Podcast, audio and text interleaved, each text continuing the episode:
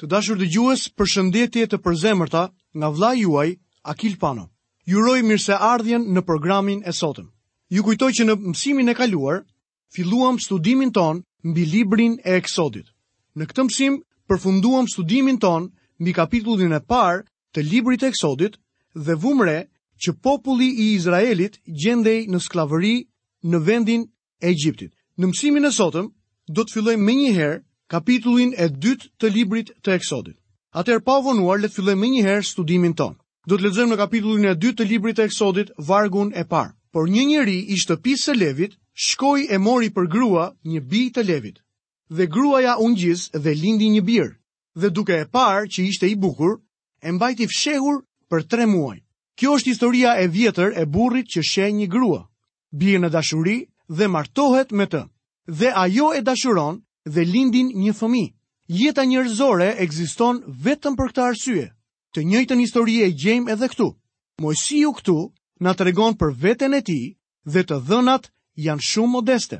Ja përse duhet t'u kthehemi pjesëve të tjera të Biblës për të na dhënë më shumë informacion rreth ngjarjeve tek Eksodi. Po të na jepej mundësia, pjesa më e madhe prej nesh do të dëshironte të tregonte rreth prindërve me imtësi, por Moisiu as që i përmend emrat e prindërve të vet.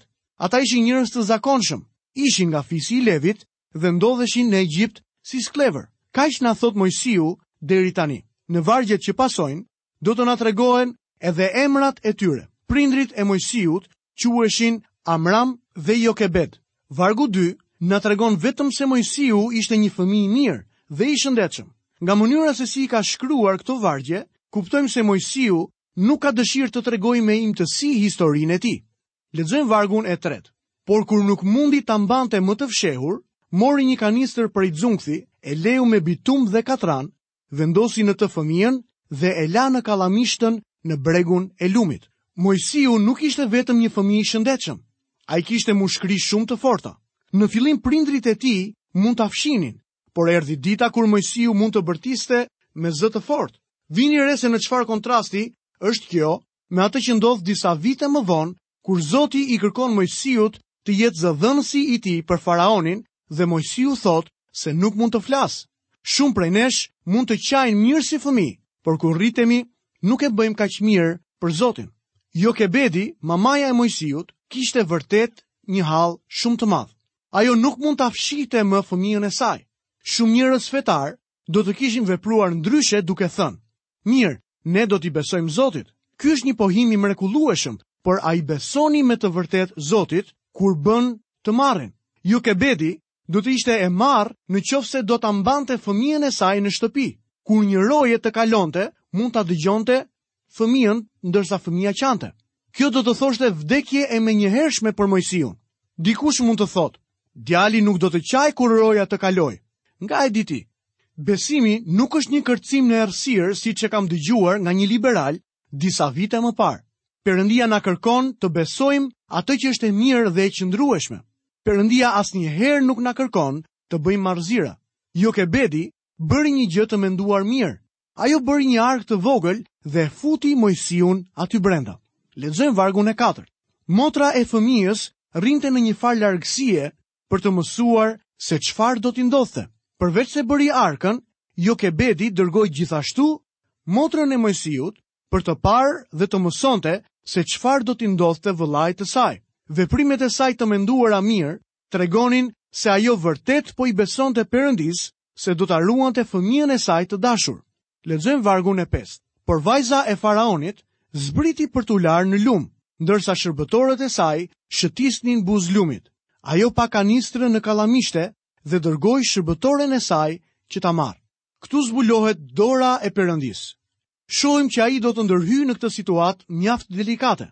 Kështu vepron Zoti gjithmonë. Kur ti përdor gjykim dhe Jokebedi u tregua e arsyeshme. E bija e faraonit erdhi në lumin Nil për t'u larë.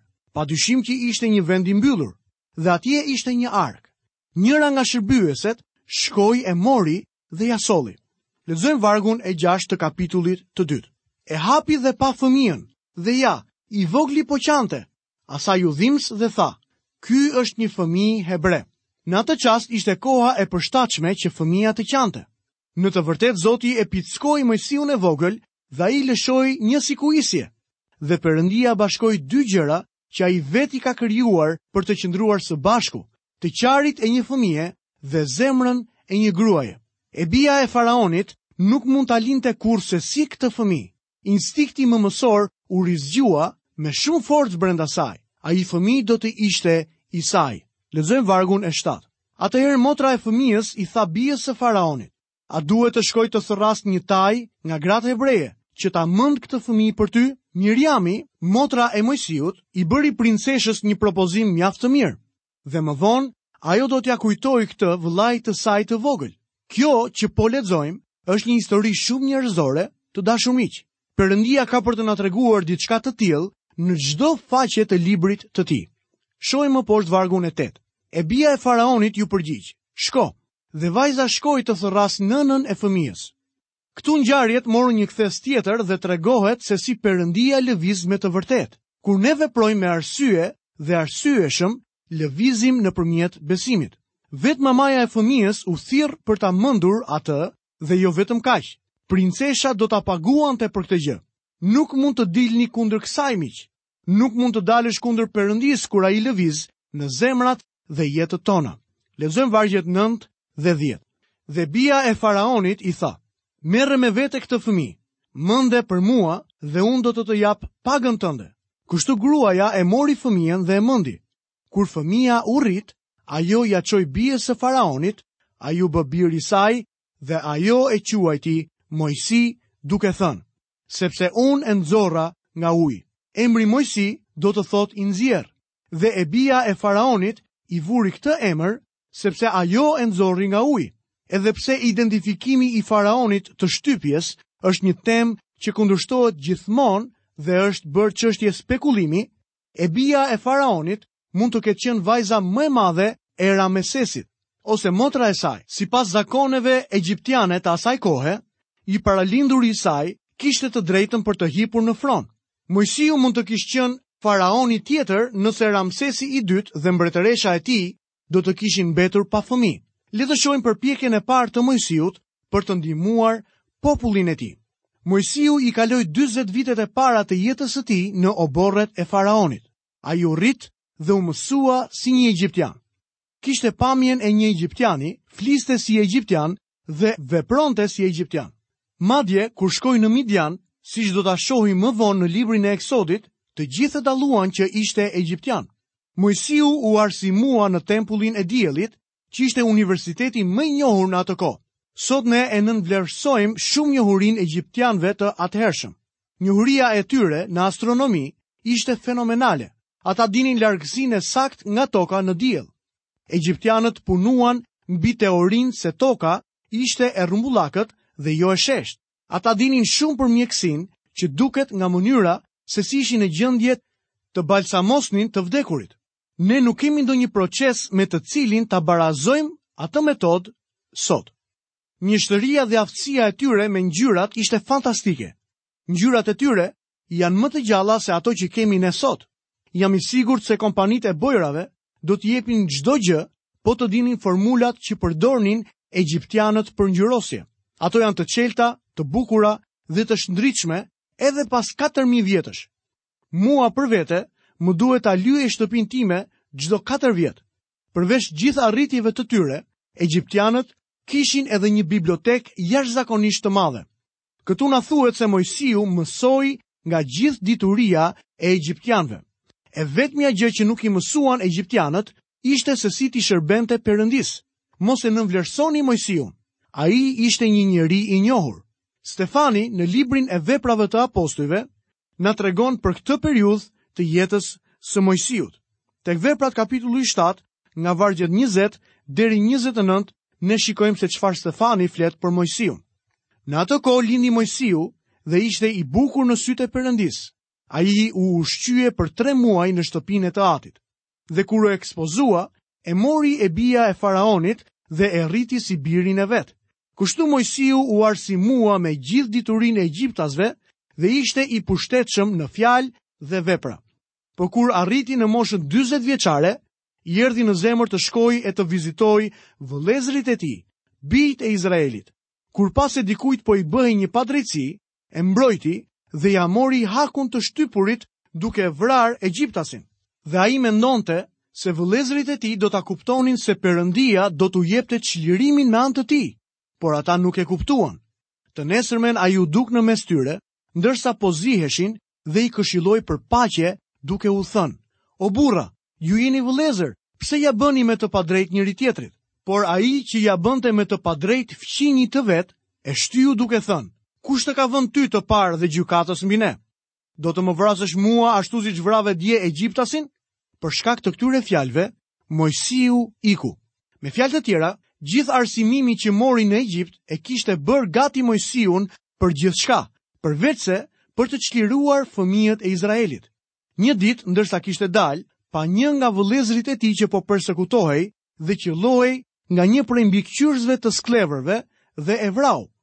Mojsiu hodhi sytë rreth e rrotull për të parë nëse e kishte vënë re njeri atë që bëri, por harroi të vështronte lart.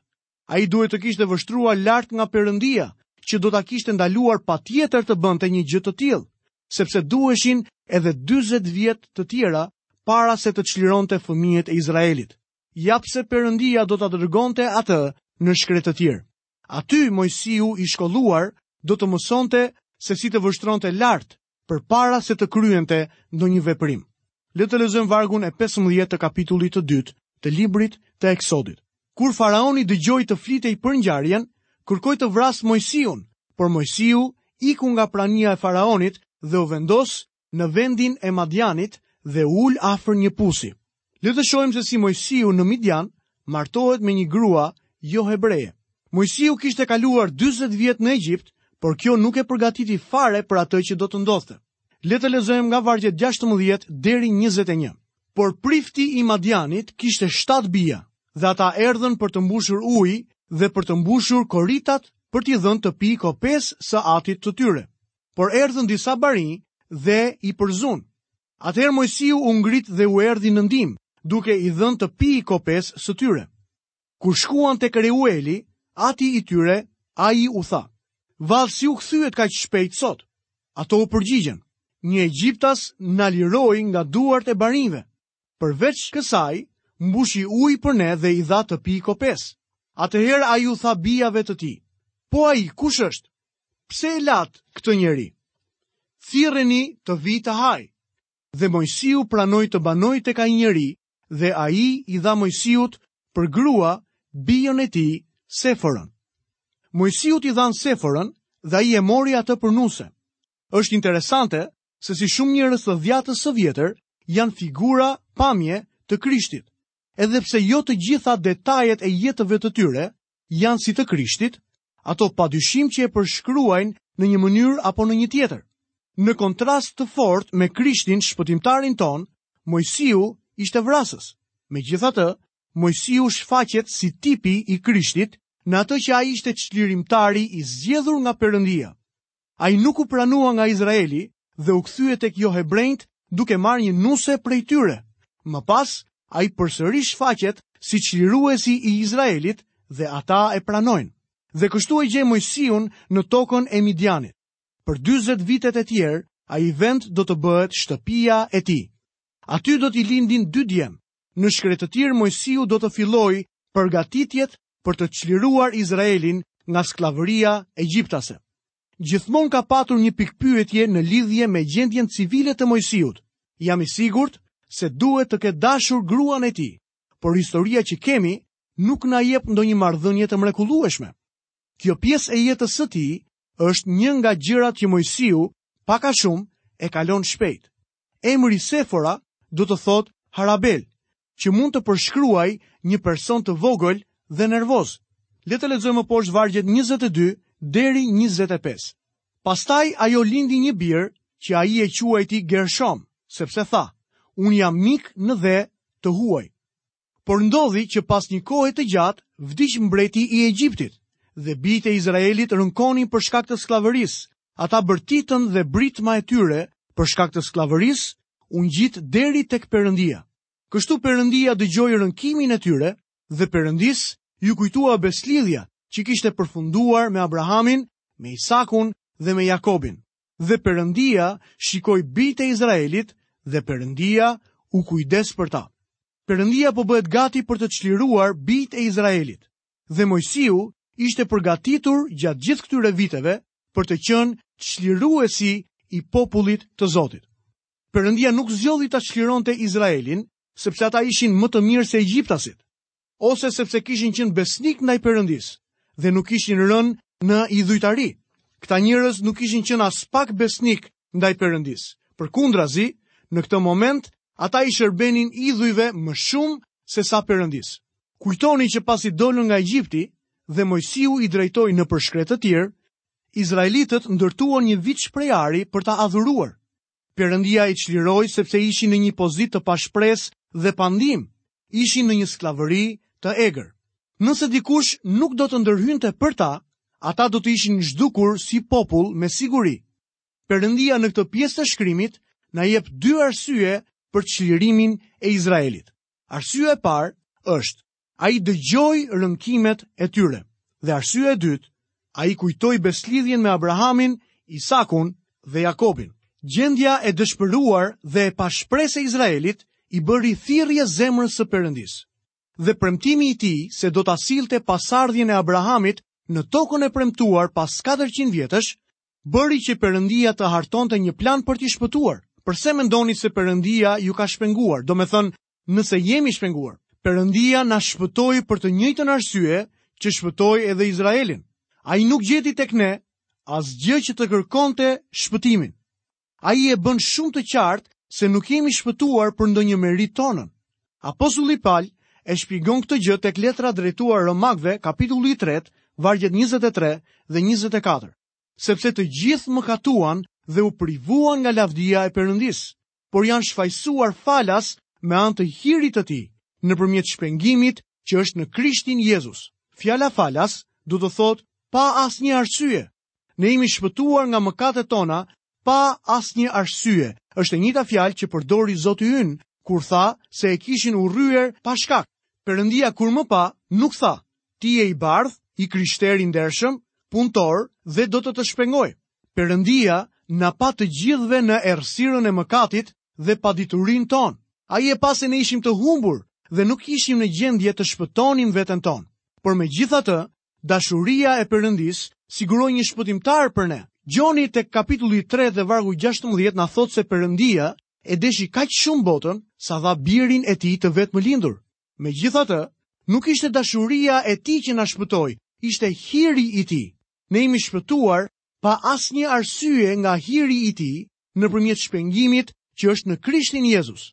Shumë njerëz besojnë se Perëndia pa tek ata diçka që ishte e vlefshme për shpëtim. Ata besojnë se Perëndia i shpëtoi si mëkatarë, Por kjo ndodhi sepse ai e kuptoi se çfarë njerëzish të mrekullueshëm do të bëheshin më vonë. Mund t'ju them se e gjitha kjo është plotësisht e gabuar. Asnjëherë nuk do të bëhemi të mrekullueshëm. Secili prej nesh ka natyrën e vjetër në të cilën nuk ka asgjë të mirë. Tek letra drejtuar Romakëve kapitulli 7 dhe vargu 18, apostulli Pal thotë, sepse e di se në mua, domethënë në mishin tim, nuk banon asgjë e mirë. Në ne nuk ka patur dhe asnjëherë nuk do të ketë ndonjë gjë të mirë. Ja përse nuk mund të dalë asgjë e mirë nga ne. Ja përse Perëndia na jep një natyrë të re kur shpëtohemi dhe përse natyra e vjetër për pasojë duhet të shkatërrohet. Perëndia nuk pa ndonjë gjë të mirë tek Izraeli, por ai dëgjoi thirrjen e tij në skllavëri dhe i shpengoi. Perëndia pa gjendjen tonë dëshpëruese dhe na çliroi. Ai kishte një plan, por nuk e pyeti racën njerëzore se çfarë mendonte për planin e tij. Perëndia nuk tha Ky është plani im për shpëtimin tuaj. Nëse ju sjell kënaqësi do ta bëj, nëse jo, nuk do ta bëj. Jo zotëri, Perëndia kaq shumë e deshi botën, saqë ai dërgoi birin e tij të vdiste për mëkatet e botës. Biri, Jezusi, ishte dakord të vinte dhe ati ishte dakord të shpëtonte këdo që i besonte Jezu Krishtit për shpëtim. Perëndia na thotë, "Ky është shpëtimi që po ju ofroj." Ose merre, ose lëre. Ai dëshiron që ne ta marrim, por megjithatë, e lë këtë në zgjedhjen e secilit individ. Ishte njëherë një skoceze, e cila punonte shumë që të siguronte paratë e nevojshme të dërgonte të birin në universitet. Kur ai erdi në shtëpi me pushime, i ndikuar nga mësimet liberale që kishte marrë në shkollë, djaloshi e kishte mendjen të mbushur plot me dyshime rreth Perëndisë. Për shkak se e donte shumë të ëmën dhe e dinte që e gjitha kjo do ta lëndonte shumë, nuk dëshironte që ajo të merrte vesh ndryshimin në mënyrën e tij të të menduarit. Nëna, e mbushur plot mall për të birin, që kishte qenë larg për kaq kohë, vazhdonte t'i tregonte se sa e mrekullueshme ishte që Perëndia e kishte shpëtuar dhe se si e dinte që ishte e shpëtuar. Më në fund, ai nuk mund ta dëgjonte më bisedën e saj dhe i tha: "Nënë, më duket se nuk e kupton se sa e vogël je në këtë univers. Po të humbisje shpirtin, Perëndisë nuk do t'i mungoje aspak. Kjo nuk do të shtonte asgjë. Dikush tjetër do të vijë pas teje." Ajo nuk i dha përgjigje menjëherë, por vazhdoi të shtronte darkën në heshtje. Më në fund i tha, Po mendoja për atë që më the pak më parë, bir. Ke të drejtë. Shpirti im nuk i shton apo i heq ndonjë gjë kësaj bote. Nëse humbas shpirtin tim, do të humbisja, por Perëndia, nëse nuk më shpëton, do të humbasë më shumë se sa unë. Ai premtoi se po t'i besoja Jezusit, do të më shpëtonte. Nëse nuk e mban fjalën, ai do të humbasë reputacionin e tij, dhe do të njollosë karakterin e tij dhe jam e bindur se ai nuk është gati të rrezikojë kaq shumë. Këtë po i thotë Perëndia njerëzimit. Fëmijët e Izraelit nuk kishin asgjë tërheqëse, por megjithatë, Atij i erdhi keq për ta dhe e dëgjoi thirrjen e tyre. E njëjta gjë është e vlefshme edhe për ne sot. Ne nuk jemi aq simpatikë sa Perëndia të na shpëtojë. Megjithatë, ai bëri një besëlidhje me Abrahamin, Isakun dhe Jakobin, që premtonte shpengimin e Izraelit. Në të njëjtën kohë, Perëndia vendosi të shpëtonte këdo që do t'i besonte si shpëtimtar dhe Zot Jezu Krishtit, birit të tij. Hiri i Perëndisë është dashuria e tij në veprim. Ai na ka shpëtuar nëpërmjet hirit të tij. dhe dashuria e Perëndisë na ka siguruar shpengimin për të cilin kemi nevojë. Por le t'i kthehemi për pak sekonda historisë sonë. 40 viteve të Moisiut në Midian po u vjen fundi. I gjithë shkollimi në Egjipt, edhe pse ishte i mahnitshëm, nuk mund ta përgatiste për të qenë çlirimtari i popullit të tij. Perëndia u mor vetë me të për plot dyzet vjet në zonën e shkretëtirës së Midianit. Të dashur dëgjues, këtu kemi mbërritur dhe në fundin e programit të sotëm. Nga vllai juaj Akil Pano, bashkë mirudëgjofshim në emisionin e ardhshëm.